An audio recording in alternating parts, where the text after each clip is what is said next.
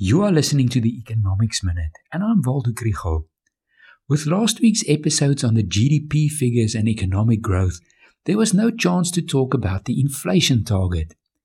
The governor of the Reserve Bank, Lesetja Kganyago, said in a speech that the target band of 3 to 6% should be replaced by a single point target of 3 or 4%. A margin of plus and minus 1 percentage point can be allowed. He argued that the target could be lowered with the cooperation of various public sector role players who set administered prices. I think we can all agree that administered prices are constantly rising at rates higher than the headline inflation rate.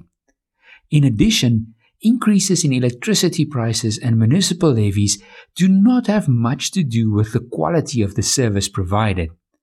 But is it necessary to lower the target?